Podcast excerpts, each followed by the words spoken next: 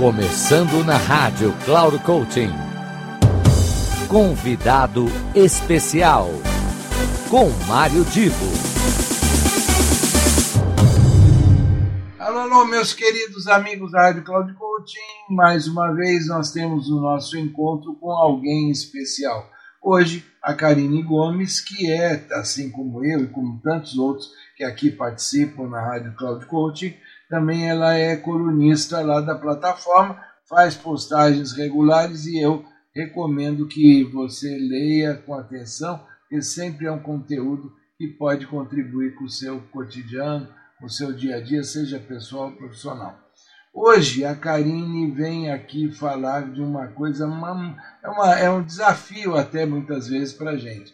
Quantas e quantas vezes diante de um problema, na hora que você busca a solução para um problema, você se percebe pensando de uma maneira, digamos assim, padrão. Quantas e quantas vezes você, às vezes, do jeito que você está acostumado a pensar, se depara com um problema que está difícil ali, está lhe atrapalhando. Pois bem, a Karine, que é especialista no assunto, vem comentar a respeito e tentar mostrar como é que você pode quebrar alguns padrões de pensamento e ter uma postura criativa para a solução de problemas. Eu, depois, como eu sempre faço, volto para minha consideração final. Olá, é um enorme prazer falar aqui na rádio Cloud Coaching e participar do programa convidado especial. Gostaria de agradecer ao querido Mário Divo e à equipe da rádio Cloud Coaching pelo convite. Eu sou a Karine Gomes, coach, master em PNL, especialista em educação, neurociência e design thinking. Sou idealizadora da Criar e Recriar Desenvolvimento Humano. Hoje gostaria de falar sobre resolução de problemas e as formas de inovar nesse quesito. Existem muitos métodos já bem conhecidos e tradicionais para resolver problemas, e que muitas vezes são os melhores e mais efetivos mesmo. Mas e quando o problema persiste, mesmo com o uso de tais métodos?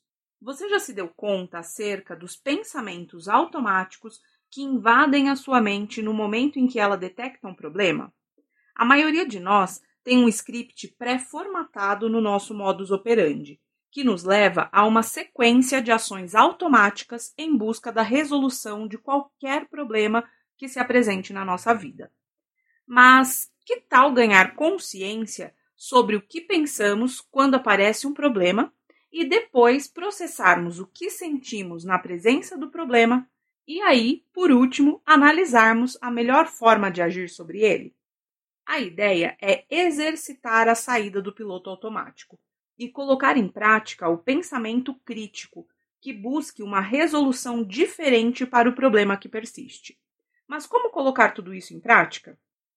Primeiro, entenda o problema. Olhe para todas as questões que envolvem o seu problema. Depois, identifique os seus pensamentos em relação ao problema. O terceiro passo é pensar como você se sente em relação a tudo isso. Em quarto lugar, respire.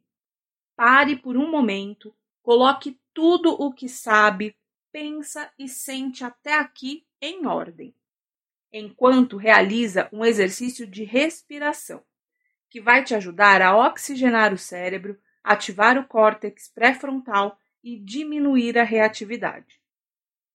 Depois, acolha todos os seus sentimentos e pensamentos e aceite o desconforto trazido pelo problema. Afinal, todos os problemas trazem um certo desconforto, não é mesmo? Só agora você vai pensar qual a melhor forma de resolver o seu problema. Talvez não precise nem inovar, apenas buscar pessoas diferentes para te ajudar. Talvez mudar o sentimento e reação que tem tido em relação ao problema. Enfim, mas se ainda assim quiser métodos diferentes para tratar o problema, que tal usar design thinking, mapas mentais, a multidisciplinaridade e a colaboração de outras pessoas para somar ideias ao seu problema? E ainda, se quiser saber mais como é possível inovar na resolução de problemas, acompanhe a minha coluna Técnicas de Vendas e Endomarketing na revista Cloud Coaching. ou siga minha página Criar e Recriar Insta no Instagram. Te espero por lá. Obrigada. Beleza, beleza, beleza. Quero agradecer a Karine. Quero também que vocês aproveitem bastante essas palavras e essas uh, reflexões que ela provocou em todos nós. Uh, diante de problemas, vamos olhar os nossos padrões de pensamento, vamos tentar mudar a maneira de abordar e aí uh, o problema vai ter uma solução mais facilitada.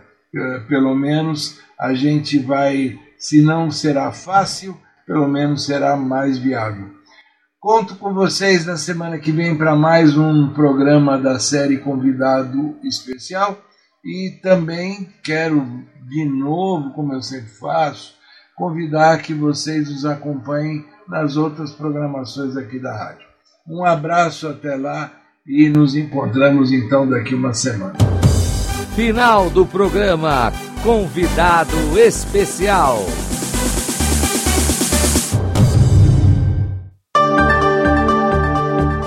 Se ligue! Semanalmente você ouve o programa Convidado Especial, sempre na segunda-feira às 15 horas, com reprise na terça às 5 e meia da tarde e na sexta-feira às 10 horas da manhã. Quem será nosso convidado ou nossa convidada? A surpresa é nossa e a revelação e apresentação de Mário Divo sempre aqui na Rádio Cloud Coaching. Acesse nosso site radio.cloudcoaching.com.br. Confira toda a programação e baixe nosso aplicativo na Google Store. Rádio Cloud Coaching, conduzindo você para o sucesso.